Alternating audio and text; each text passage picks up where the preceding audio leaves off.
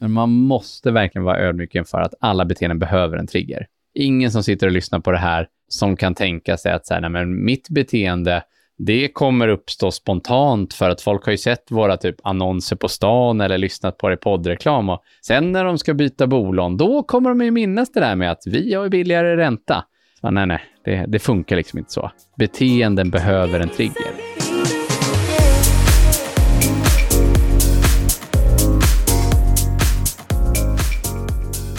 Det där var Niklas Laninge och det här är första avsnittet av Digital marknadsföring med Tony Hammarlund för höstsäsongen 2023. En podd där jag intervjuar några av Sveriges främsta branschexperter och marknadsförare.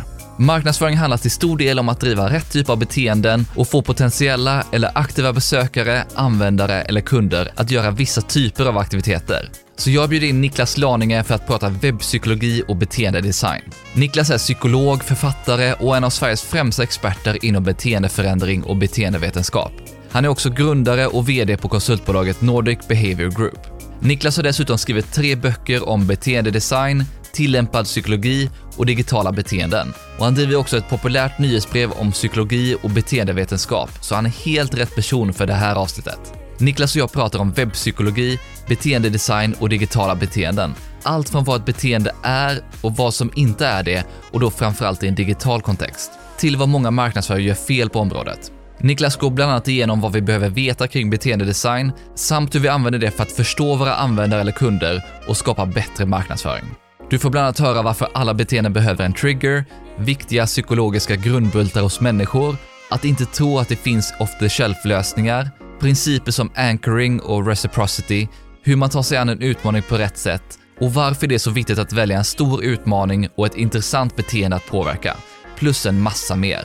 Du hittar som vanligt länkar till allt vi nämner i poddenlägget på tonyhammarlund.io, så du behöver inte anteckna. Och där hittar du även tidsstämplar så att du enkelt kan hitta tillbaka till olika sektioner i intervjun. En sak till innan vi kör igång. E-commerce Recruit har varit med och sponsrat podden under lång tid och sponsrar även veckans avsnitt. De har en bakgrund från e-handel och är experter på att hitta rätt digital kompetens. Men idag hjälper man inte bara e-handlare utan bolag i alla branscher. Oavsett om man behöver rekrytera eller anlita konsulter.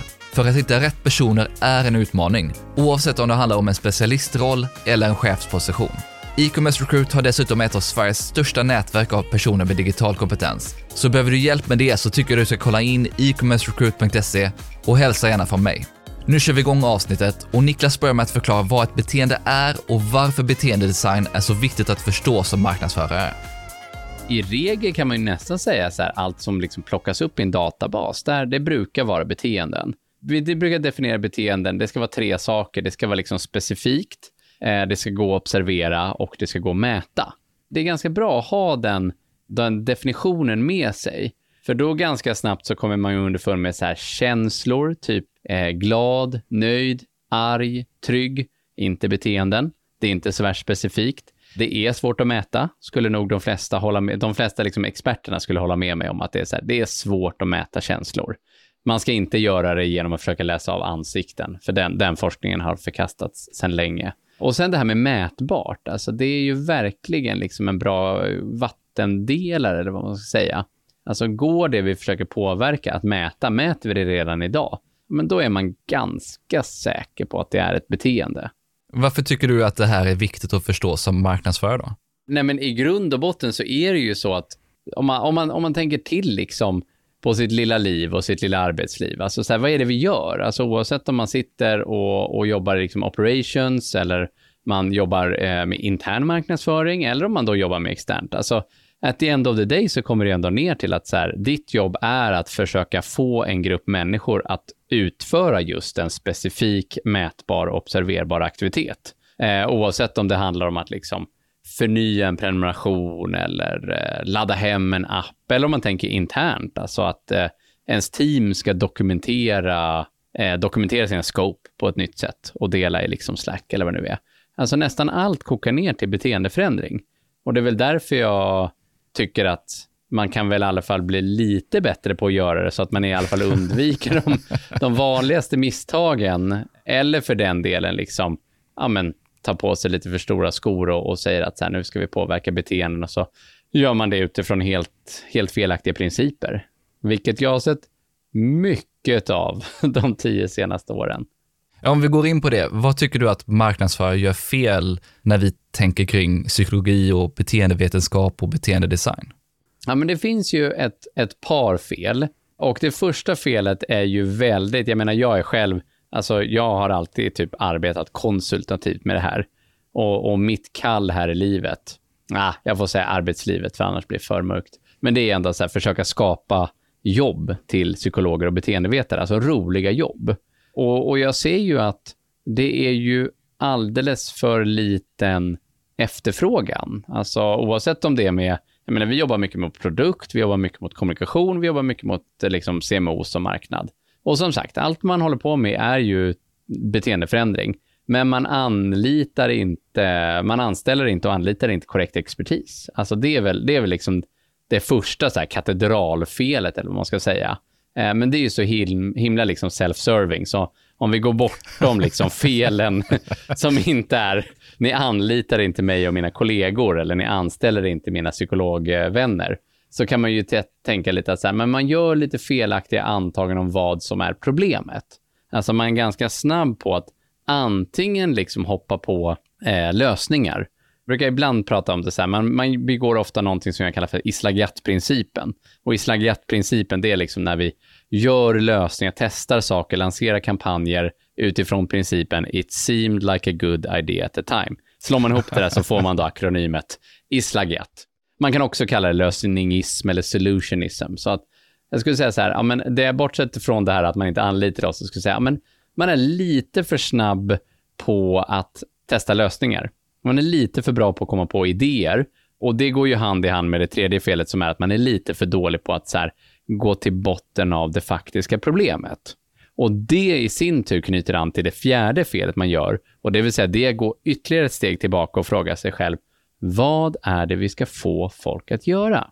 Och där tycker jag, alltså ganska ofta, att jag ofta, börjar liksom branschen mogna lite grann. Men fasiken de tio senaste åren så här, det har varit mycket tjafs med CMOs eller liksom marknadsfolk eller CXO-folk där vi pratar om så här, men vi vill hitta ett beteende. Alltså vilket är det viktigaste kundbeteendet att påverka för att vi ska lösa utmaning X, Y, Z. Eh, och XYZ, det är ju oftast liksom, eh, vi måste anskaffa mer kunder, vi måste aktivera snabbare, vi måste förbättra vår onboarding, eh, eller vi måste behålla dem. Så det är oftast någon sorts, liksom i den där klassiska, eh, vad heter den? AAARR, den där fannen, acquisition, activation och, och så vidare. Retention och referral. Folk i branschen, som dina lyssnare är i, har varit lite för liksom fega när det kommer till att zooma in på en aktivitet. Och det kanske har varit för att man ty just tycker att så här, ja men, så, som en CMO sa till oss en gång, men gud, kan vi inte liksom bara så här, alltså köra någon sorts hagelgevär här och hoppas på att vi påverkar många kundbeteenden. eh, varpå jag var tvungen att förklara att så här, men varenda kundbeteende har säkert lite olika barriärer. Så ditt hagelgevär kommer liksom vara ett väldigt, väldigt uddlöst sådant med väldigt kort räckvidd. För det kommer liksom inte riktigt pricka in alla de här typerna av barriärerna som vi ser. Och därför kommer vi inte se någon stor förändring. Sen är väl en annan sak och det är ju att ska man försöka påverka alla beteenden samtidigt, så det är också, som du pratade om tidigare, det är svårt att mäta saker om man gör allting precis samtidigt. Ja, ja men verkligen. Och sen är det ju såklart, alltså, om man, alltså det är därför jag på något sätt så här, vi försöker ju alltid hitta, alltså som sagt, ett beteende. Och det är en jäkla lång process och ju mer datadriven och bra datahygien som våra uppdragsgivare har, desto lättare blir det. Alltså har man verkligen en bra databas där vi liksom kan göra en typ av regressionsanalys för att se, finns det något av de här beteendena som vi ser att våra kunder gör som, här, som är mer associerat med det önskade utfallet? Ja, men då blir det ju lite lättare att hitta det där liksom superbeteendet som vi ska fokusera på. För vi vill ju bara jobba med de beteendena som är, liksom dels har stor effekt, alltså de, det, spelar roll eh, för vår utmaning, men också att de är tämligen enkla att förändra. Alltså, vi vill ju inte gå på för svåra saker. Vi vill ju dessutom tänka att liksom våra insatser kommer att vara effektiva, plus att vi vill ju också säkra, vara säkra på att det här beteendet som vi ska försöka påverka, ja, men ändå på något sätt liksom ligger i linje med hur våra kunder vill agera. Men om man går tillbaka till din fråga, ett verkligen så centralt misstag är man zoomar inte in riktigt, riktigt mycket på, på beteendet. Och om vi ska ta en femte, man har väldigt mycket, många hypoteser om vad som är problemet. Väldigt ofta brukar det vara de vet för lite eller vi har inte informerat dem. Alltså de i det här sammanhanget är kunderna. Så man är väldigt snabb på att hoppa på någon sorts liksom kunskapsförklaringsmodell till varför man inte har fler kunder, lojalare kunder, mer engagerande kunder, kunder som sprider budskapet och så vidare. Att de vet för lite. Och det får man väl verkligen säga, eh, en sak som man ska veta om beteendeförändring är att här, kunskap är en pusselbit som vi jobbar med. Men det är massa andra pusselbitar som man också måste se till för att ett beteende ska bli av. Sen är det också det här med att man hoppar direkt till det som du kallar tankefel i boken. Och jag tror vi kommer väl in på det lite mer, men att man pratar direkt om anchoring och reciprocity mm. och sådana här saker innan man har förstått vad det är för beteende man vill driva, bara att det ska finnas en lösning på det. Ja, nej men det där, alltså det där pratar jag liksom gärna mycket om, för hela mitt fält har väl, ja men någonstans 20, bok, det kom ju en bok 20, nu ska vi se, 2008 som heter Nudge. Och den fick ju verkligen stort fäste liksom. Alla pratar nudging och att nudga folk och sådär. Fortfarande gör man det. Eh, och sen 2011 kom det en bok som heter Tänka snabbt och långsamt av en psykolog som heter Daniel Kahneman. Och man kan verkligen säga att det är, så här, det är psykologen som har på något sätt populariserat hela det här med beteendeekonomi och mycket just genom att komma på jättesmarta namn på diverse så kallade tankefällor. Alltså vanliga fel som vi människor ofta, eh, ofta går, begår när vi ska liksom försöka tänka rationellt. Och problemet med det där när man sen liksom tar det några steg och börjar omsätta det i så här, böcker som handlar om att skapa bättre design eller sälja bättre, det är ju att man liksom utgår ifrån att så här, ja, men det är det här tankefelet som är problemet. Precis som du säger, liksom, att problemet är, det finns någonting som heter status quo bias, det vill säga att folk föredrar nuläget framför att förändra sig. Vi gör någonting för att adressera status quo bias, eller det finns någonting som heter anchoring, det vill säga att människor tolkar till exempel belopp eh, utifrån annan omliggande, närliggande information. Klassiken klassikern är ju liksom Black Friday, att en tv-apparat har kostat 3000 och nu kostar den 1999. Då upplever ju fortfarande folk att, att man kanske sparar och det är ju det här anchoring-principen som, som knyter an till det. Men man är liksom lite för man är liksom lite för ivrig. Alltså det är nästan en form av liksom islagiat eller solutionism i sig. Att man hör talas om den här spännande, liksom välförpackade psykologiska fenomenen. Och sen så tänker man, ja men det är lösningen. Vi tillämpar lite anchoring. Vi tillämpar lite social proof. Och problemet är ju liksom att då har man ju inte gjort sin hemläxa. Man har ju för det första inte frågat sig, vad fan är beteendet vi ska påverka? Och nummer två, vad är de faktiska barriärerna? Utan man har bara sagt, låt oss tillämpa ett spännande psykologiskt fenomen som man kanske till och med läst i någon av mina böcker. Och då blir liksom, ja, det är lite riskabelt också. Nu, nu får du stoppa mig Tony om jag, om jag svamlar, men en sak som ändå är väldigt bra i, i den här branschen då när det gäller digital marknadsföring, mycket är mätbart och man har lite av en så experimentkultur i sig. Men där ser jag ändå hos en del kunder och jag ser det liksom hos vänner som jobbar med digitala verktyg, alltså att man inte är så bra på att designa experiment. Alltså man gör oftast experiment som handlar om att man inför någonting nytt och så jämför man det med sin baseline. Och det är ju liksom en så klassisk misstag i psykologiska experiment som ändå är så här, ja, men blir det någonting annorlunda så är det oftast någon typ av effekt. Alltså man måste alltid ha en aktiv kontrollgrupp i sina experiment. Och där någonstans kan det bli lite av en eh, så här, självuppfyllande profetia i det, att så här, man har ett, en landningssida som konverterar dåligt. Man läser om social proof. Människor påverkas när de får höra om hur andra beter sig. Man ändrar sin landningssida, man slänger in lite social proof och konverteringen går upp kanske med, ja, med några liksom, enstaka procent. Tillräckligt mycket för att man kanske kan konstatera att det där känns signifikant. Det känns som en skillnad. Då har man liksom ingen aktiv kontrollgrupp. Utan jag skulle hävda att skulle man ha en aktiv kontrollgrupp i de fallen som typ är så här, eh, jag kanske hittar på något så här, redness bias. Människor som ser rött, de blir mer sugna på att klicka. Då har man istället tre grupper. Man har sin gamla, gamla goa design, man har, state, man har social proof-varianten och så har man den här redness biasen som jag hittade på alldeles nyss. Och där har jag nog väldigt svårt för att se att man skulle se några signifikanta skillnader mellan de här två nya. Så länge just social proof blir applicerat på det här lite islagattiga sättet. Det vill säga, ah, spännande koncept. Vi testar på landningssidan. Om det här är vad många gör fel, vad tycker du då att jag och andra marknadsförare behöver veta om webbpsykologi och digitalt beteende för att göra det bra? Alltså på ett sätt är det ju ganska mycket, delvis för att så här, ja, men psykologi är, det, det är en omfattande vetenskap och människor är komplexa och beteendeförändring är komplex. Men om man tittar på så här, vad är det ni ska kunna? Ja, men det första skulle jag säga är ju tillbaka till det jag har babblat om tidigare. Alltså titta på, ja men säg en, en stor och härlig utmaning och inte liksom ett fastna i att okej, okay, vi måste testa eh, en sån här lösning för att ta sig an det. Eller säga, ja men problemet är nog att våra kunder vet för lite eller har fel attityd. Eller för den delen liksom att så här, ja men gud, nu, nu bara förändrar vi någonting. Utan istället så här, stanna upp och titta på vad är beteendet vi ska påverka? Alltså det, det, det börjar verkligen, börjar och slutar i liksom att hitta det viktigaste beteendet att påverka. Och se till att man kan mäta det. Verkligen. Vad kan vara ett exempel på en utmaning och ett faktiskt beteende? Eh, men, eh, en utmaning som jag jobbar jättemycket med när det gäller eh, det digitala. Och, och, då är vi oftast någonstans både liksom marknad, kommunikation, alltså lite så här externt och sen så också med produkt, det vill säga när man väl kommer in i den digitala tjänsten. Och, och då handlar det nästan uteslutande om liksom onboarding, använda tjänsten, kanske oftast under en gratis prövarperiod och sen stanna kvar. Och ett sånt exempel som jag pratar ganska mycket om, vi jobbar ju med digitala prenumerationer och Schibsteds sex varumärken för typ tre, snart fyra år sedan. Eh, började vi jobba med dem, så har vi hållit på där lite till och från.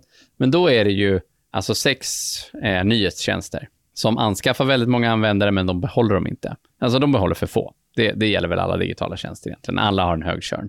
Och beteendet i det sammanhanget, eh, och då var det specifikt för Svenska Dagbladet, när vi liksom tittade och gjorde en regressionsanalys, så var det så här, men vad, vad kännetecknar de användare som faktiskt stannar kvar efter 30 dagar? Vad är det de har gjort? Och det vi fann där var ju att så här, ja, men någonting som var väldigt starkt korrelerat med att man stannar kvar var eh, ett, man läser i appen. Det fanns en app redan då, även om det var liksom fyra, fem år sedan. Och man har slagit på notiser. Alltså det var så här, ja oh, men shit, det var verkligen viktigt. Och, och in, internt i huset så fanns det massa antaganden om vad, vad användare ska göra. Men när man liksom tittar på datan och gör sina analyser så fann man så här, ja men det här projektet som, vi ska få, som syftar till att få flera att förnya sin prenumeration, det ska handla om att folk ska då under sina 30 första dagar ladda hem vår app och slå på notiser. Och steg två, och det är väl liksom verkligen ett medskick till alla lyssnare också, så här, vad ska man lära sig om man vill bli duktig på det här? Ja, men det är att förstå beteendes barriärer. Alltså verkligen lära sig, det vi kallar för beteendediagnos. Att lära sig ställa beteendediagnos. Och, och inte liksom bara låta sin mage liksom anta att det här är problemet eller det här är inte. Utan att så här, förstå varför gör kunden inte som jag vill. Eh, och det är inte så krångligt som man kan tro. Det handlar ju om att göra användarstudier, att göra intervjuer, att observera. Men det handlar om att ha rätt lins när man gör det. Så vi använder alltid en modell som heter COMBI, C-O-M, och sen ett litet bindestreck, B, för alla som vill googla. Eh, och kombi är helt enkelt en modell som tittar på vad behövs för att ett beteende ska bli av. Och ett beteende blir av om då mottagaren har capability, alltså förmåga att utföra beteendet, om de ges möjlighet, alltså opportunity, eh, och om de är motiverade. Så de där tre, och sen gör vi det lite mer komplicerat när vi liksom vill analysera för det. Det blir lite trubbiga insatser om man bara tänker så här, de har inte förmåga, utan när vi tittar på vad är det förmåga? Jo, men då pratar vi både om fysisk förmåga, vi gör ju jättemycket projekt som inte är digitala, som handlar om typ sortering och återvinning. Fysisk förmåga är ju jätteviktig i de sammanhangen. Eh, men vi pratar också om psykologisk förmåga. Vet man konsekvenserna av beteendet? Förstår man varför man ska göra beteendet? Har man liksom uthållighet i, i, i situationen att faktiskt utföra det här beteendet? Det, det är väl liksom så vi brukar sammanfatta psykologisk capability. Opportunity tittar vi på, alltså social opportunity. Vad finns det för liksom, normer runt omkring sig? Vad, hur beter sig andra? Hur beter sig kollegor? Finns det sociala hierarkier? Finns det relationer? Eh, väldigt viktigt såklart att det måste vara på plats. Och sen så tittar vi också på eh, fysisk opportunity. Alltså finns det liksom, ja, men så här, har man råd? Har man tid? Har man de rätta liksom, mjukvaran? Eh, men har man också fått eh, kommunikation och liksom notiser om att utföra beteendet. Och sen då sista är motivation. Och motivation, den delas ju också upp i två. Eh, och det går ju tillbaka till den här boken jag nämnde lite kort. Thinking fast and slow, tänka snabbt och långsamt. Daniel Kahnemans liksom teori om, han kallar för dual process theory, där han alltså presenterar den här mentala modellen om liksom hur fattar man beslut? Jo, men han menar att vi har den här typen av motivation som är lite mer automatisk och snabb. Typ vanor, känslor, stress, ångest i situationen. Alltså sånt där. Det, det har ju en stor inverkan på våra beslut. Och sen då det långsamma beslutsfattandet som är så här värderingar, identitet, mål, prioriteringar, den typen av saker som vi på något sätt kan deklarera. Så nu har jag gått igenom sex saker här och alla de måste vara på plats för att ett beteende ska bli av. Så det krävs ju ändå ganska mycket. Ni måste göra ganska mycket för kunden för att hen ska då utföra beteendet. Ser du att många marknadsförare och företag använder den här typen av modeller? I Sverige, nej. Utomlands, ja, skulle jag säga. Det händer i alla fall. Sen är det ju, du vet, det är lite... Alltså de, jag får ju liksom... Jag får ju exempel från branschkollegor som kanske jobbar med... Jag, jag har några vänner i San Francisco, de jobbar ju med mycket teknikbolag. Och då får ju jag höra om deras projekt på Google, Uber, TikTok, Zillow. Alltså de är liksom de, de jobbar med jättemånga av de här teknikbolagen som, som även vi här i Sverige använder. Och det kan ju ge bilden av att så här, det är nog mer utbrett än vad man tror. Men man ska tänka att Google, jag vet de har ju två beteendeteam hos sig på denna enorma organisation som ju absolut handlar om liksom sök och AI. Men jag menar, allt de gör handlar ju också om att påverka oss som användare, våra beteenden. Eh, och den här jättestora moderna organisationen, de har liksom två team. Så det, det tänker jag kanske säger någonting ändå om hur, hur ovanligt det är. Största konsultbolaget som är specialiserat på sånt här behavioral insights team. Jag tror de kanske har 500 anställda, jobbar på, de jobbar nästan i alla kontinenter, men det är ju en stor arbetsgivare. Det är den största arbetsgivaren inom mitt fält.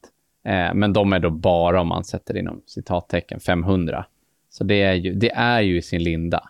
Men återigen, så här, i Sverige, väldigt ovanligt internationellt blir mer och mer vanligt. Om man tittar i Storbritannien i eh, brittisk offentlig sektor, den här modellen som jag precis pratade om, den är ju eh, ett så obligatoriskt steg för alla som arbetar med kommunikation i offentlig sektor.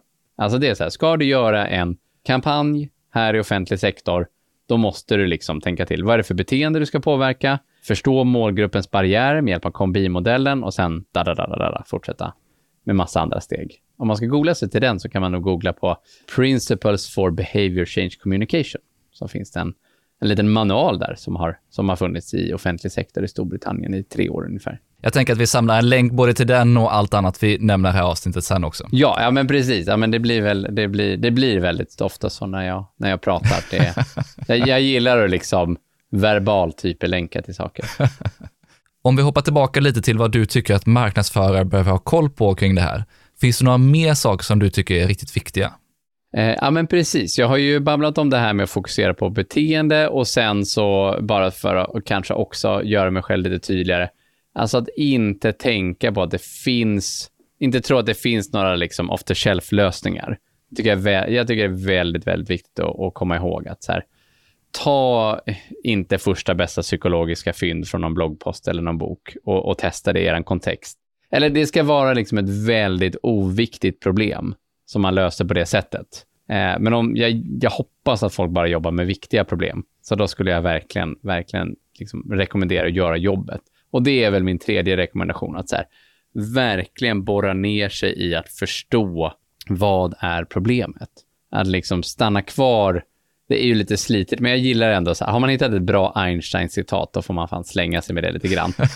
så, så ett som jag hittade, och jag, det sägs att det var Einstein, det var ju så här, ja men har du 20 dagar på dig att lösa ett problem, eh, spendera då 19 på att förstå problemet. För då kommer liksom nästan lösningen av, per automatik. Och det skulle jag säga är nästan lite, alltså en allmän rekommendation, när jag tänker på så här, hur används det här med beteendedesign och det vi gör. Vad är det, vad är, vad är det vi ska skapa för mest värde? Alltså det är ju liksom inte uttagen. Det är ju liksom inte kampanjen eller de här, så här häftiga landningssidorna som säger något om psykologi.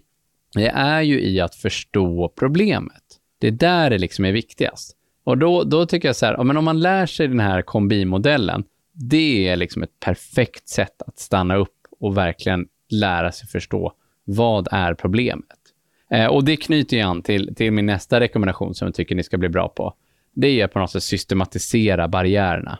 Att faktiskt här, inte bara säga vi fann att folk tyckte vår produkt var för dyr eller många upplever att det är för krångligt. Ja, men de här klassiska liksom, förklaringarna som man stöter på så ofta. Utan istället verkligen börja systematisera det utifrån de här sex parametrarna från kombi.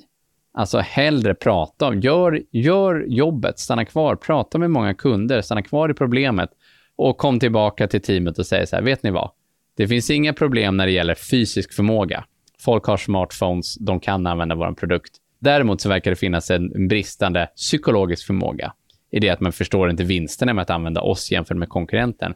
Det finns ett opportunity-problem i det att folk har inte tid, men också ett socialt opportunity-problem i det att så här, existerande normer verkar gå emot det här. Det verkar vara onormalt att använda denna mjukvara. Och om man tittar på, och sen så kan man säga något om motivation. Folk vill ha våran tjänst, de vill nyttja den, de vill göra saker bättre, men i stunden så är det för mycket av den här automatiska motivationen. Så ska man ju liksom lära sig att beskriva sina problem. Och då kräver ju att man gör jobbet. Eh, och sen som sista sak, och alla har ju verkligen förutsättningar att göra det. Alltså, alltså om jag testar lite med att ladda upp CSV-filer och copy-paste in data i ChatGPT. Herregud alltså, vad statistik... Alltså på ett sätt känns det som att man snart kan sluta lära ut statistik på universitetet. Eh, det, det, det är rätt kittlande vad man redan kan göra. Alltså jag har ju en kollega som jag använder det här till med. Men han är ju alldeles uppspelt nu när han kan slippa göra enkla statistiska analyser och att man istället bara laddar upp filerna i ChatGPT och säger var det några signifikanta skillnader när det gäller det här mellan grupp eh, 1, 2 och 3? Så för det är liksom mitt sista, att faktiskt göra ordentliga experimentella eh, prövningar av sina hypoteser. Och allt det här tar ju tid. Alltså det är väl det som är alla har ju alltid väldigt mycket att göra och alla har ju alltid väldigt bråttom. Men jag tycker att det är lite paradoxalt mitt i all den stressen och så här leveranshetsen, att folk ändå tänker att de har råd att göra fel. Alltså att de har så pass bråttom så att det är så här, ja, det viktigare är att vi, att vi gör någonting än att det blir rätt. Det, det, är, det är lite chockerande. Men som, slut, som, som slutligen, liksom, om man tar hela kedjan, när man förstår sitt problem i termer av beteenden, förstår vad det är för barriärer, man har systematiserat det, bygger hypoteser som är på saker som kan faktiskt adressera de barriärerna.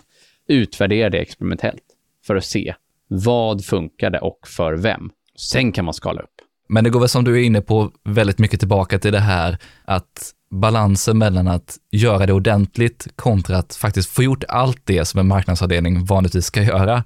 Att det är väldigt svårt att prioritera. Så om man ska prioritera någonting i det här du har sagt nu, vad är det viktigaste du tycker att marknadsförare ska göra? Alltså, då, då, tycker jag nog att de som jobbar med liksom user insights eller som, som jobbar med att systematisera och hämta in data från kunderna, de ska lära sig kombimodellen och titta på sina problem utifrån den linsen. För det, det kommer ge er väldigt mycket. Och sen då näst viktigast, det är ju verkligen det här med beteendet återigen. Alltså att verkligen fundera igenom. Alltså jag, jag har ett gäng riktigt, riktigt bra bra kunder och, och några av dem är ju liksom inom, inom bostadsbranschen och där jobbar vi väldigt mycket med energieffektivisering och påverka beteenden hos hyresgäster. De av mina kunder som är liksom riktigt härliga att jobba med, det är de som har tittat på så här, hur många kilowattimmar förbrukar en hyresgäst per år? Okej, okay, det är så här många. 20 000 om det skulle vara en villa till exempel. Eh, och sen så funderar man på, men vad, om vi kan bryta ner det här i liksom 10 konkreta aktiviteter som man gör, alltså de som drar mest. Kan vi göra det? Och vissa har gjort det. Och den hemläxan tycker jag verkligen att man ska göra. Det tar tid. Alltså när man pratar om så här, vad är det viktigaste beteenden? Och det går ju, där kräver det ju ett interdisciplinärt arbete liksom med produkt också, för det är deras jobb också att påverka beteenden. Men att göra den hemläxan och verkligen säga så här, det här är de fem beteendena som är avgörande för till exempel vår retention. Och så jobba med dem. För det kan man göra både som marknadsförare, eh, det är inte bara en produktfråga liksom. Jag och Niklas fortsätter snart prata beteendedesign, men först vill jag presentera MyNewsDesk som är med och sponsrar podden. Jag har tidigare pratat om deras PR-assistent som hjälper till med att generera utkast för olika typer av nyheter och pressreleaser. Och nu lanserar man ännu en AI-tjänst, en idégenerator som proaktivt föreslår idéer för innehåll och PR-aktiviteter, helt automatiskt. AI börjar med att skanna av din sajt och analysera vad du tidigare skrivit om. Den tar sedan fram nyhetsidéer baserat på ditt innehåll och trender i din bransch och mejlar dig fem idéer varje vecka eller månad. Den kan sedan ta fram vinklar för de olika idéerna och efter det väljer du din favoritidé och låter AI skapa ett första utkast. Sen kan du tillsammans med AI arbeta vidare på texten till den är färdig och redo att publiceras. Jag tycker att det här är en riktigt häftig tjänst och coolt att öppna inboxen varje vecka och hitta nya idéer. Du kan läsa mer om både idégeneratorn och PR-assistenter på mynewsdesk.se. Nu hoppar vi tillbaka in i intervjun. Nu har vi pratat om att förstå beteenden. Men vad anser du att man behöver förstå kring människor och våra psykologiska grundbultar eller tankefel som vi var inne på tidigare? En hel del är väl svaret igen, men det går, det går att koka ner det till ett par saker. Alltså jag tycker att det är liksom, det är lite roligt att vara och hålla på med det här man gör. För när man har de här grundbultarna med sig så blir man en väldigt empatisk person, som ni märker. alltså man blir väldigt liksom ödmjuk inför och titta på människor och, och, och, deras beteenden och deras problem. För om man har lite så här grundläggande förståelse för ja, men, vad, är det, vad är det egentligen som styr människor, ja, men, då blir det liksom inte så märkligt. Saker man ser, hur folk agerar, det blir inte så märkligt, för man tänker bara, nej men just det, givet deras liksom förståelse och kontext så är det ju bara de här psykologiska drivkrafterna att play. Om man ska dra några saker, alltså e-, en, en sån här grundläggande, och det är väl nästan typ drivkraften som styr alla, men det är ju det här vi kallar för förlustaversion. Gammalt Daniel Kahneman-begrepp, jättevärdefullt att ha med och i grund och botten så kan man säga att det betyder att människor drivs liksom mer av att undvika förluster än vad vi gör eh, av att få vinster. Så eh, det finns en väldigt härlig gammal eh, psykologisk modell som Kahneman presenterade 1978 som heter prospektteorin Eh, och det är en jättehärlig graf som just tittar på skillnaderna i liksom objektivt värde av till exempel vinster och förluster och subjektivt värde. Där man just fann att ja, när man ber folk till exempel skatta värdet av liksom årsinkomst så märker man ju att såklart man blir liksom subjektivt lyckligare och lyckligare ju mer man tjänar. Men sakta men säkert så mattas det av. Och det där är ju så klassiskt avtagande marginalnytta. Det finns någon sån där härlig gräns som vissa forskare har tagit fram. Så här, när, när blir man inte lyckligare av mer pengar? Men det, det, alla kan ju liksom köpa den insikten. Eh, och sen på andra sidan, på förlustsidan, ser man ju samma sak. Att förlora någonting, behöva betala någonting, det svider psykologiskt. Men ju större liksom förlusten blir, desto mindre psykologiskt. Så även där är en avtagande marginalnytta. Men en väldigt fin sak om man tittar på den här prospektgrafen, det man ser är ju att det psykologiska värdet av en, en motsvarande vinst eller en förlust, alltså de är lika stora, det är mycket högre av förluster. Alltså förluster svider ungefär dubbelt så mycket som en vinst smakar. Den, den psykologiska drivkraften tycker jag verkligen är så här, har man kläm på den, då kan man verkligen förstå mycket om människors beteenden.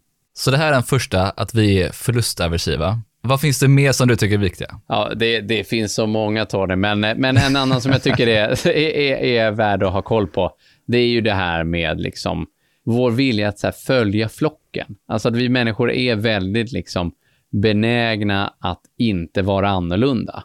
Eh, och det är ju därför som sådana här grepp som typ social proof, alltså när man visar hur gör andra och ställer det i kontrast till hur man själv beter sig. Det är därför de kan vara väldigt effektiva, förutsatt att folk just trodde att så här, aha, det var att folk inte visste hur, hur vanligt det var att göra ett visst beteende. Så i regel så, så gillar vi att göra som andra, speciellt när vi är liksom i domäner som vi inte vet så mycket om. Jag vet inte om du eh, liksom använder Nordnet och Avanza, men om man jämför, jag använder både Nordnet och Avanza och Nordnet har ju på något sätt liksom, ja, men gått all in på den här lite mer ja, men liksom hobbyprofessionella traden.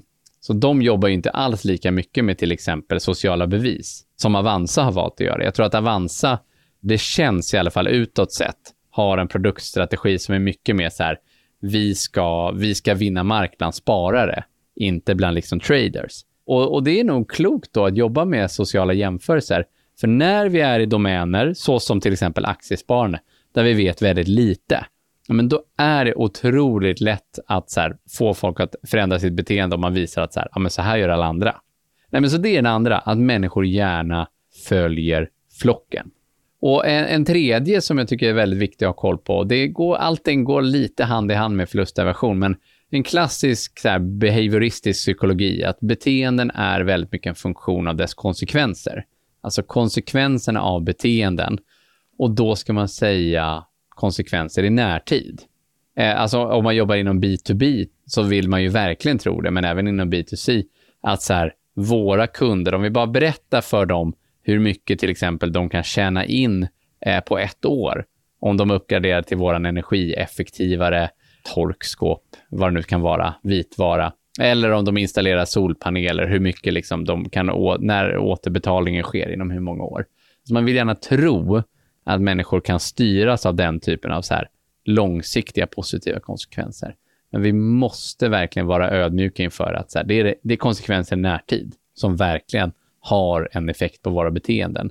Och det är ju värt att jobba, alltså om man, om man leder ett team eller jobbar i ett team också, så är det väldigt viktigt att ha det i åtanke att så här, vill man se vissa beteenden hos sina kollegor lite oftare, då får man nog vara lite av en så här feedback-generator där och verkligen så här, jobba med att belöna det.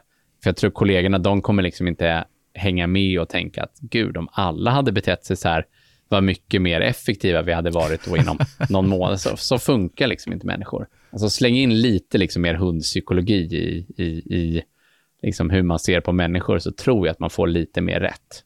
Hundpsykologi tycker jag låter fantastiskt bra för liknelse där. Att applicera lite enklare tänk och att man faktiskt måste göra saker som märks i närtid och inte att det då är någonting som kommer två, tre veckor senare eller när man haft sitt konto i en tjänst och om en månad så händer det någonting. Ja, ja men verkligen. Nu var det ett tag sedan vi jobbade med, med onboarding-problematik, men vi har haft några så här onboarding-case och det är ju väldigt kul att komma in oavsett om det är ett liksom, jättegammalt bolag med massa anställda eller ett väldigt ungt bolag. Att så här, men gör det för komplicerat i sin onboarding. Alltså det är för mycket saker som man vill få ut. Man har verkligen inte tänkt på så här, men vad är det, vilket liksom användarbeteende kommer ge de här, så här snabba vinsterna? Och det är därför, alltså det här, jag, jag berättade lite kort om det när vi jobbade just med så här, få Svenska Dagbladet-läsare att då ladda ner appen och slå på notiser. Det är därför när vi liksom gör insatser som fokuserar på de beteendena, då får vi ju väldigt så, det caset tror jag vi ökade förnyelsegraden hos vår, den experimentgruppen med så 115 procent.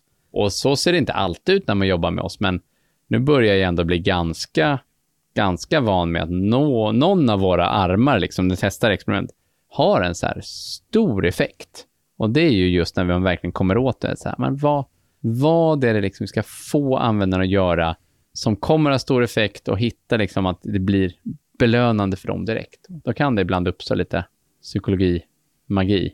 Finns det några andra grundbultar som du ser är extra viktiga när vi pratar just webbpsykologi och digitala beteenden?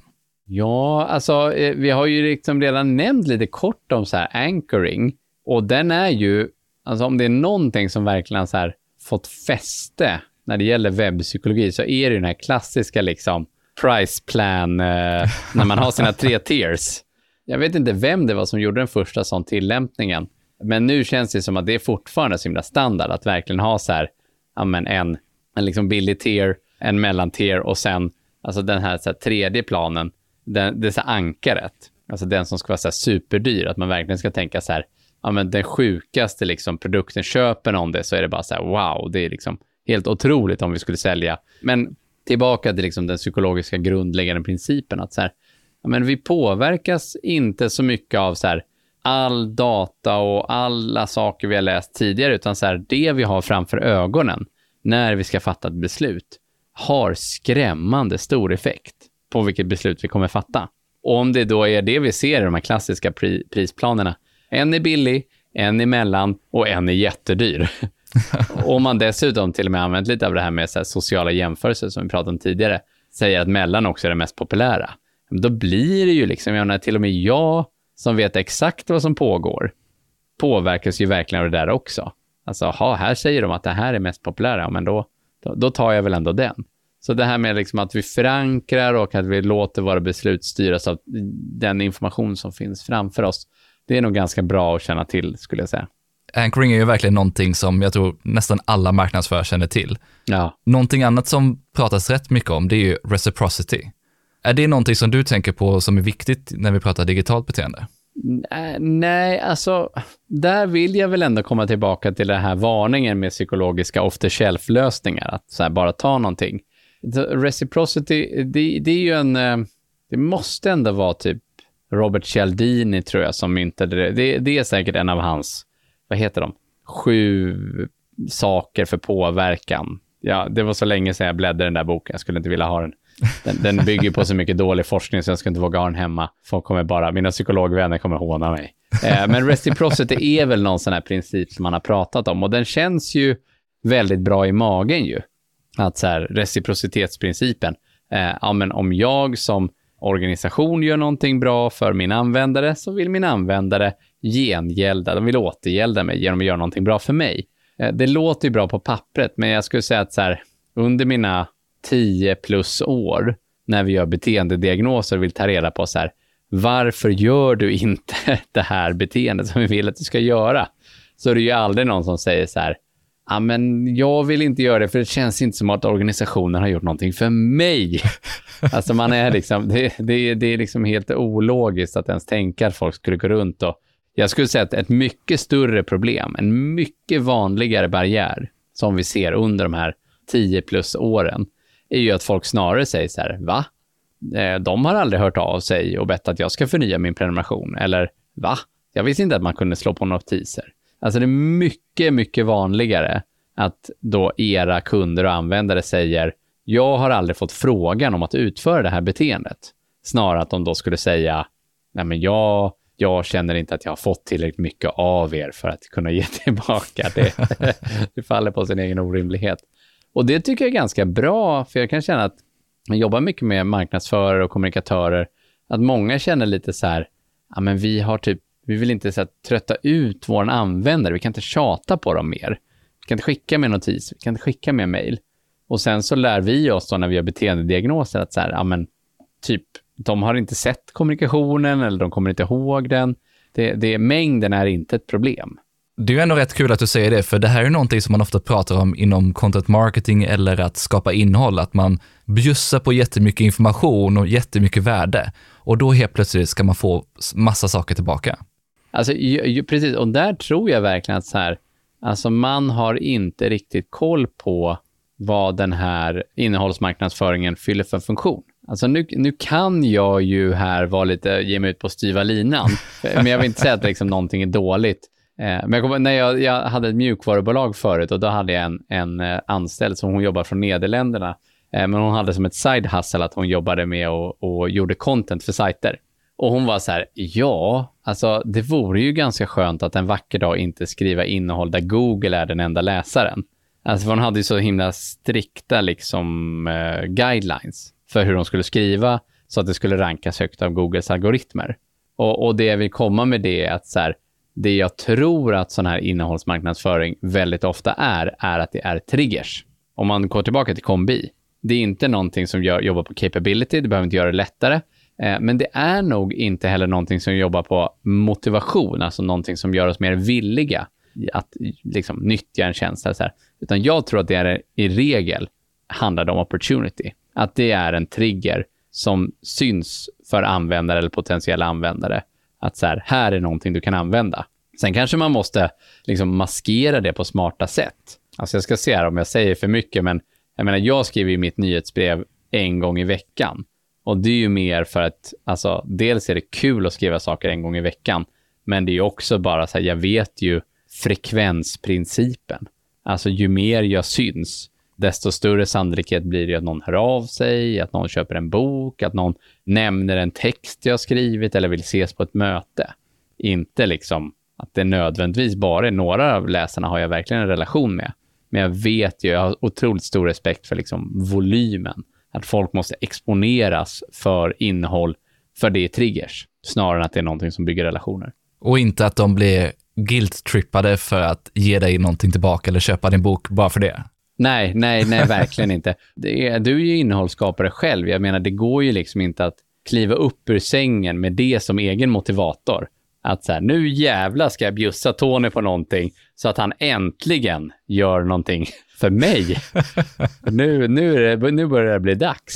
Utan jag tror ju att det är mycket mer så här, ja, men livet är så fullt av information och triggers och liksom uppmaningar om att göra någonting. Och så såklart att man måste ha, den som designar triggers och innehåll måste ju tänka till så att man uppmärksammar det. Eh, men återigen, det handlar nog lite om bara så här numbers game. Så många projekt där vi liksom har fått titta på så här, här är marknadsföring, här är triggers, här är information som har skickats ut. Och så visar vi samma sak för, för målgrupperna när vi gör våra användarstudier. Och det är så här, ing, ingen känner igen någonting. Eh, ibland vet ju folk knappt vad de har för leverantörer.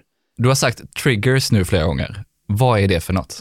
Eh, ja, nej men, eh, eh, gud förlåt, jag är verkligen så här hemmablind. Eh, nej men man kanske kan kalla det för call to action, kanske många i er, er, er bransch. Från och med sommaren, det här, vi spelar in det här mitt i semestern, men eh, någon gång i augusti så kommer det komma en, en uppgradering av de ramverk vi jobbar. Och då tror jag vi kommer prata om det så här, uppmaning att utföra beteendet. Alltså på engelska tror jag det heter så här, tell to change behavior. Det, det blir väldigt liksom deskriptivt. Men en trigger är liksom en uppmaning om att utföra beteendet. Vi pratar om content marketing här. Alltså jag menar i en lång och härlig bloggpost eller lång och härligt poddavsnitt så här. Där någonstans kanske gömmer sig en sån trigger. Att köpa en bok, prenumerera på det här eller vad det nu kan vara. Men det är liksom i grund och botten en uppmaning om att utföra beteendet. Och alla beteenden det här borde jag kanske sagt när det gäller lite, lite eh, generella tips som lyssnarna borde ha koll på. Men man måste verkligen vara ödmjuk inför att alla beteenden behöver en trigger. Alltså det är ingen, ingen som sitter och lyssnar på det här som kan tänka sig att så här, nej, men mitt beteende, det kommer uppstå spontant för att folk har ju sett våra typ annonser på stan eller lyssnat på det i poddreklam och sen när de ska byta bolån, då kommer de ju minnas det där med att vi har billigare ränta. Så, nej, nej, det, det, funkar liksom inte så. Beteenden behöver en trigger. Alltså det är bara, det är bara de här stora plattformarna som har liksom blivit internaliserade. Att när vi liksom kliver upp på morgonen, tar upp telefonen, går på toaletten, då kollar vi liksom mejlen eller Instagram eller vad det nu kan vara. Men alla andra beteenden behöver ju en notis, en uppmaning, en QR-kod. Annars blir de inte av. Beteenden existerar inte i vakuum, så är det bara. Om vi nu har bättre förståelse för våra användares utmaningar eller våra kunders utmaningar och deras beteende, samt de här psykologiska grundbultarna, hur ser vi till att använda det vi har lärt oss för att skapa riktigt bra marknadsföring? Ja, men där gäller det ju liksom i grund och botten om att försöka gifta det här med de processer man redan har. Och, och vissa byråer eller vissa liksom team, vissa arbetsplatser har ju eh, ja, men kanske någon typ av eh, process hämtad från till exempel eh, design thinking, man jobbar med double diamond eller man har en klassisk problemlösarprocess som man jobbar med. Eller så är man väldigt fokuserad på uttagen, alltså vad ska vi leverera eh, den här, det här kvartalet? Det beror lite på, men steg ett är ju ändå att så här, försöka se, kan det här passa med hur vi arbetar idag? Och det enda sättet att komma på det, det är ju att göra, skulle jag säga, ja, men göra ett projekt verkligen så här by the book och sen utvärdera efter det. Och ett projekt by the book är, dels så får ni väl ringa, för jag hjälper er. Även om man ska vara, eh, man ska inte lova för mycket i sådana här sammanhang, för det, hade jag suttit här och varit jätteduktig på så här generativ AI, då hade jag inte heller så här, ja men det är jättelätt att programmera sin egen språkmodell, så här, steg ett. Eh, men om man ska titta på så här, hur man, man gör ett projekt by the book, så nu blir det ju mycket repetition, men det är ju bara för att så här, det är väldigt systematiskt där. Det är ju, välj en utmaning som är ja, men den svåraste och viktigaste som ni som liksom team eh, jobbar med. Ta inte liksom utmaningen som känns rolig. För det stora problemet när man byter, vad ska man säga, när man försöker få in ett nytt perspektiv på en arbetsplats, och det här kommer vara nytt för de flesta som lyssnar på det här, det är ju att så här, man inte ger, det, det, får inte riktigt tillräckligt liksom, chans att visa upp sig. Och det var en vän som arbetar, hon, det, hon var en av dem som satte upp Googles beteendeteam. Och de hade gjort ganska mycket föreläsningar och sånt på Google, för Google är så kunskapstörstande organisation och så här applied behavior science var någonting som många, eh, många produktutvecklare pratade om. Men det hon gjorde när sen liksom verkligen fick spinn på Google, det var att så här, ja men vad är Googles absolut viktigaste team? Och vad är den absolut viktigaste frågan? Och det är så här AdSense. Alltså att få, få de som köper annonser på Google att fortsätta göra det. Och där fann de ju att där, där finns det också en jättehög retention. Alla får de här små, nystartade företag får de här små presentkorten, 500 kronor köpa annonser. Man gör lite kackiga keywords och så tittar man och så bara, nej, det blev ju inte så många klick. Det blev bara några få dyra klick. och så slutar man. Och så tänker man, nej, Google, nej, Google funkar inte för mig. Och där fann ju de att så här, men det är ju en process. Liksom. Man måste ju uppdatera, testa, experimentera. Så där gjorde de ett eh, lite Google Academy-program för då nya företag. Eh, och allt handlar ju bara om att här, hålla dem i handen och få eh, sökordsmarknadsföringen att funka. Så det är ju återigen långt sätt att säga hitta det viktigaste och svåraste problemet som ni jobbar med. Och där man kan få stor effekt också. Ja, verkligen.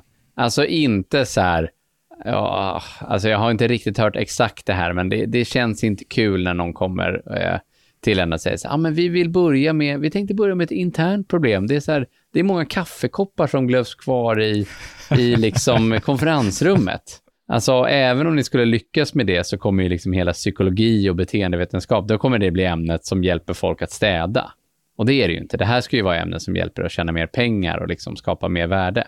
Så viktigt, på riktigt, stor effekt. Och därefter börja titta på, men vad är beteendena? Alltså göra en beteendereduktion, som vi väldigt fint kallar det. Alltså hitta, vilket av alla de här beteendena är det som är viktigast att påverka?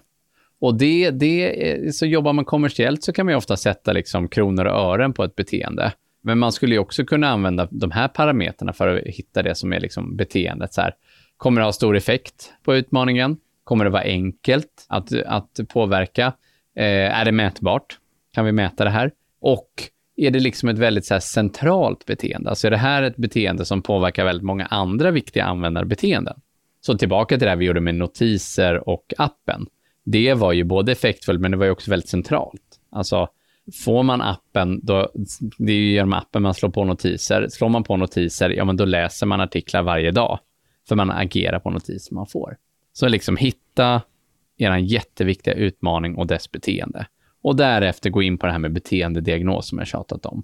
Och, och beteendediagnos, då måste man prata med kunder. Alltså, då finns det ett väldigt systematiskt förfarande att här, ta reda på de här eh, barriärerna. Och det är tyvärr inte... Alltså vi gör, vi gör det ibland. Vi jobbar med lite onboarding-experiment nu på så här, några redovisningstjänster som vi ska hjälpa med deras appar, lite digitala eh, nyhetstjänster. Men i regel, när man ska förstå barriärerna enligt den här kombi-modellen, då behöver vi ändå liksom intervjua användare. Alltså det, det, det, är tyvärr, eh, det är tyvärr så vi måste göra just nu. Det, det finns inget bättre, mer effektivt sätt. Tyvärr är väl tråkigt att säga, det är ganska kul att prata med kunder. ja, men alltså, ja, men, ja nej, men jag, jag, känner ändå att jag, jag ömmar lite för, för alla som jobbar där ute och just att det ska gå så himla snabbt. Vi vill göra någonting nu. Och om man tänker att vi vill ändå, jag tycker man ska intervjua typ 15 användare. Och 15 tycker jag är ett lagom eh, tal förutsatt att så här, ja, men vi har verkligen pinpointat ett beteende och vi, vi har en ganska snäv målgrupp. Så liksom ett dåligt sätt att göra liksom en beteendediagnos på skulle ju vara så här, vi vill få barnfamiljer att eh, vara mer hälsosamma. Låt oss hitta lite barnfamiljer och fråga varför de inte är hälsosamma.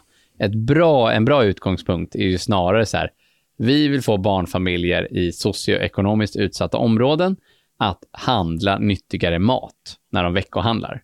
Det är så en bra utgångspunkt.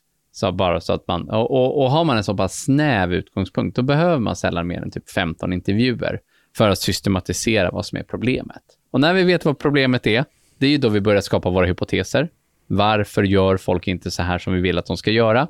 Och sen så får vi ju såklart titta på vad har vi för lösningsytor? Alltså vilka kanaler jobbar vi? Kan vi jobba liksom både via kanske köpt räckvidd? Kan vi jobba i, i liksom existerande kanaler? Eh, men får vi också göra någonting i själva produkten? Där hoppas jag verkligen att de flesta som lyssnar inte har så vattentäta skott mellan liksom produkt och marknad, utan att man, man faktiskt kan liksom följa med in i produkten sen. Det är så himla tråkigt när man jobbar i projekt och så får man bara göra liksom verktygslådan, de lösningsytor man har är de köpta. Och sen så ska vi driva in folk till en app, men vi får inte göra någonting med App Store-texten, för det är någon helt egen avdelning som pillar med den. Det, det är ju, det händer ju tyvärr allt som oftast, utan man vill ju, vi testar hela vägen ut. Och, och sen då när man bygger upp de här hypoteserna, att försöka designa eh, regelrätta experiment. Och inte experiment som är så här, tidigare var det så här, och från och med nu så gör vi så här.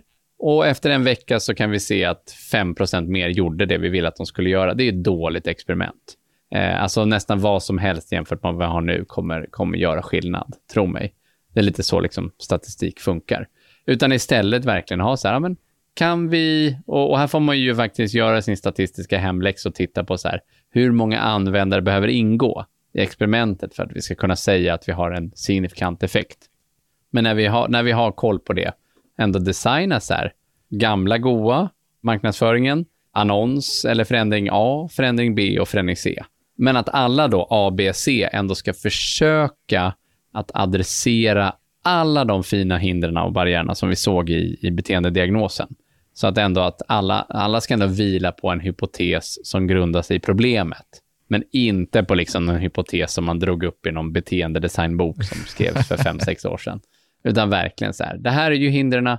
Hindren är, folk tycker det är dyrt, de tycker det är onormalt, de har inte tid och eh, de ser inte vinsterna. Då kan man ju liksom bygga, det går ju absolut att bygga liksom tre hypoteser som man kan testa på tre olika sätt eh, utifrån eh, den typen av, av barriäranalys tycker jag var ett jättebra sätt att förklara hur man faktiskt ska jobba med det här, för det är ju det som är nyckeln någonstans. Hur får man med sig allt det här i det faktiska marknadsarbetet? Inte bara att man förstår hur man borde göra eller vad, vad, vad som hade varit bra att göra. Nej, nej men verkligen. Det, det, vi är väl liksom där nu som fält att så här, vi kan ha, och, och där har ju många bra branschkollegor från UK och från USA, som ändå, de ger oss självförtroende att faktiskt våga så här, ta de här svåra utmaningarna. Att verkligen säga så här, nej men det här är, det här är någonting som sparar liksom, spara småduttandet liksom. Det, det kan ni hålla på med i er vardag. Till exempel, ibland säger folk så här, åh gud, vi har så låg öppningsfrekvens på våra utskick eller våra nyhetsbrev. Då säger jag så här, men vet ni vad? Alltså, det är ju världens mest datadrivna verksamhet. Bara experimentera. Alltså bara testa runt. Det är väl inte så himla viktigt. Ni måste ha någon, någon ni, ert företag måste ha ett mycket större, speciellt om det är noterat. Alltså om man tittar på noterade bolag och kollar vad de redovisar i kvartals, det är ju aldrig att de visar så här, och i år gick öppningsfrekvensen på nyhetsbreven upp med 5 procent. ingen bryr sig. Alltså ingen bryr sig. Utan det är ju andra saker. Det är så här försäljning, fastighetsvärde, kostnader. Alltså det finns ju massa andra saker. Välj de här viktiga grejerna och låt det återigen vara så här, det första beteendeprojektet. Sådana här småpillare som nyhets, eh, öppningsfrekvensen, det kan man labba med utifrån de förutsättningar man redan har. En sista fråga innan vi avslutar. Vad har du sett är nycklarna till hur marknadsförare och företag verkligen ser till att implementera det man lär sig om sina användare eller kunders beteende? Gud, vilken bra, gud, vilken bra fråga. Ja, men då, alltså nu repeterar jag mig själv lite nu, men det är ju det här när man ger ämnet en ärlig chans. Alltså när man säger, okej, okay, men gör det, gör det by the book för en av våra liksom, viktigaste utmaningar. Och när man då sen får effekt, att man faktiskt tänker att okej, okay, hur gör vi då det här till vår egen? Att man inte tänker att så här, nu har det här med beteendeinsikter och, och, och en förståelse för webbpsykologi, nu har alla fattat grejen, nu kommer det bara liksom sprida sig som ett virus. Utan man snarare tänker så här, nej men nu måste vi ha någon som förvaltar det här. Eh, och, och, där tyckte jag, alltså jag hade ju förmånen att väldigt tidigt jobba med ett företag som heter Dreams, som är en sparapp. Och, och de grundarna, så himla, himla bra grundare, de, vi hade ju dialoger i början innan det ens hade skrivits en kodrad. De fattade ju tidigt, alltså för över tio år sedan, att så här, okej, okay, vi ska göra alltså en app som får unga människor att spara. Det är beteendeförändring. Vi ska nog se att beteendevetenskap är en lika viktig kompetens här på Dreams som produktutveckling eller marknadsföring eller för den delen spar, alltså rent finansiell kunskap. Så då byggde ju de faktiskt upp ett beteendeteam. Trots att man var en väldigt liten organisation så rekryterade man ändå beteendeexperter. För man visste att så här, någon måste, så här, det måste finnas någon som driver den här frågan och hjälper göra det till vår. Och det skulle verkligen, så här, om jag har sett när någonting verkligen funkar, då är det när man gör det. Alltså ett, hitta det viktiga problemet som kommer ha stor effekt, låta liksom experter göra jobbet på riktigt och sen när man har sett att det funkar, faktiskt göra en investering i, i eh, en eller ett par roller som förvaltar och se till att det vävs in med digital marknadsföring, med produktutveckling, med kommunikationen. Stort tack för att du har lyssnat. Var det här ditt första avsnitt av podden så hoppas jag att du gillade det och att du klickar på prenumerera i din poddapp. Då får du alltid notis så fort jag släpper nya avsnitt. Och du som har lyssnat tidigare och prenumererar så vill jag gärna höra vad du tyckte och vad du tog med dig i en kommentar, ett inlägg eller ett DM. Du hittar som vanligt länkar till allt vi pratade om i poddenlägget på tonyhammarlund.io plus ett antal extra länktips från Niklas. Och självklart länkar till de böcker han har skrivit. Har du några frågor eller idéer för framtida avsnitt så är det bara att mejla på tony.hammarlund.io eller skicka ett DM på LinkedIn. Jag vill även passa på att tacka Mikael Lindberg som står för musiken. Vi hörs snart igen i nästa avsnitt.